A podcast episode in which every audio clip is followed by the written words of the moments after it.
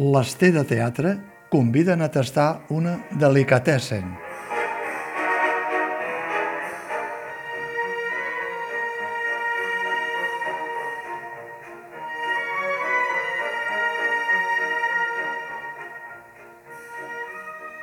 Delicades està fet de petites peces que l'autor, Alfredo Sansol, qualifica d'esquetxos i que acaben conformant un fresc quotidià, familiar, molt protagonitzat per les dones, que fa salts temporals des d'ara mateix, des del Facebook, fins a recular el temps de la Guerra Civil dels anys 30. Tot plegat, però, sempre al marge de l'època en què se situa, perquè el més important de la trama no és l'enllaç històric concret, sinó que aquest forma part només de l'atmosfera amb què s'embolcallen una sèrie de situacions personals, tintades d'un humor subtil, molt semblant a Pere Caldés en alguns casos, on la ingenuïtat, l'absurd i fins i tot el surrealisme posen color a unes estampes costumistes que acaben gratant el passat, la nostàlgia i la memòria de cadascú. Qui busqui en aquest espectacle la reproducció clònica de l'ester de teatre, les més populars, a través de la televisió, va errat.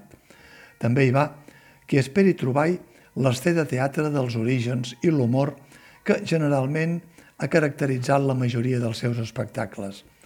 I aquesta és la bona notícia, perquè en aquest retorn que van fer el 2010, quan van estrenar Delicades, la companyia va obrir un camí si no nou, sí que favorable per la seva continuïtat. Primer, amb la incorporació en el grup d'altres intèrprets, dos actors, Albert Ribalta i Jordi Rico, i després amb la incursió en el tipus de teatre que reposa més en el text que no pas en el gag. Delicades és el nom d'una espècie de roses. Ho diu un dels personatges en un moment donat.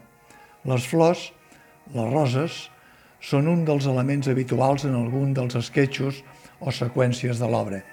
Només començar, una escenografia estilísticament molt delicada, amb un blau cel de fons que porta la imaginació i amb un empedrat ondulat, amb un arbre al fons i un solitari brot de roser en una cantonada, tot això intueix que la cosa agafarà un to poètic. I aquesta és l'altra cara del text Esquetxos d'Alfredo Sansol, un tractament poètic que mira en distància el passat que, per qüestió generacional, no ha conegut mai l'autor i que el transforma en objecte de mite literari. Sense fer-ne una sinopsi íntegra, diguem que, entre altres, l'espectador passa per una escena on una de les dones mítiques de l'autor es neteja amb un antic cossi i una tovallola. Els jacuzzis encara no s'havien inventat.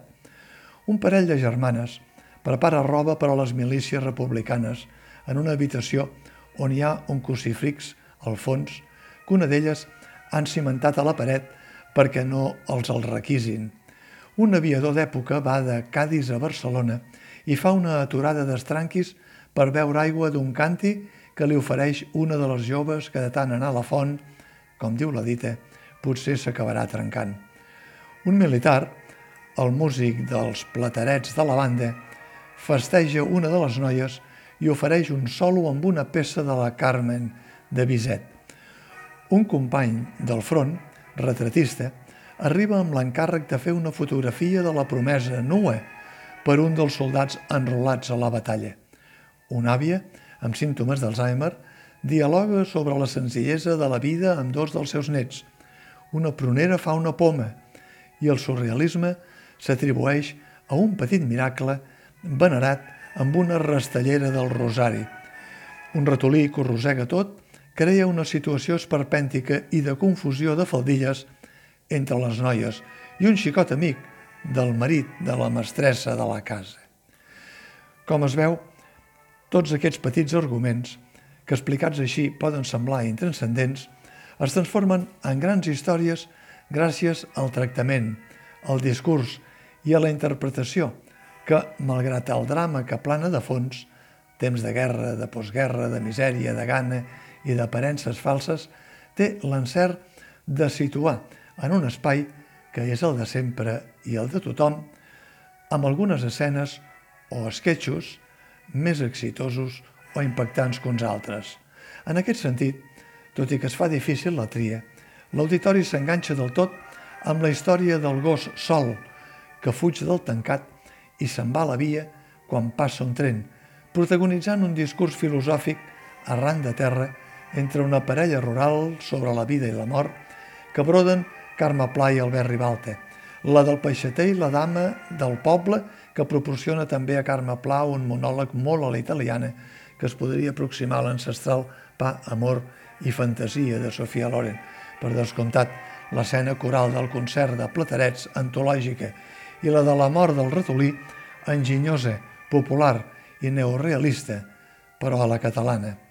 Delicades està fet precisament de peces sumament delicades, valgui la doble definició, que només poden ser tractades com a peces de miniatura febles i trencadisses, i que requereixen ser portades amb la precaució de fragilitat amb què han estat portades per té de teatre, sota la direcció tocada per la relació sentimental que uneix l'autor als personatges extrets de la seva infància i vigilats de prop per ell mateix. Delicades ha estat recuperat per la companyia T de Teatre per celebrar els seus 30 anys de trajectòria. Tota una delicatessen.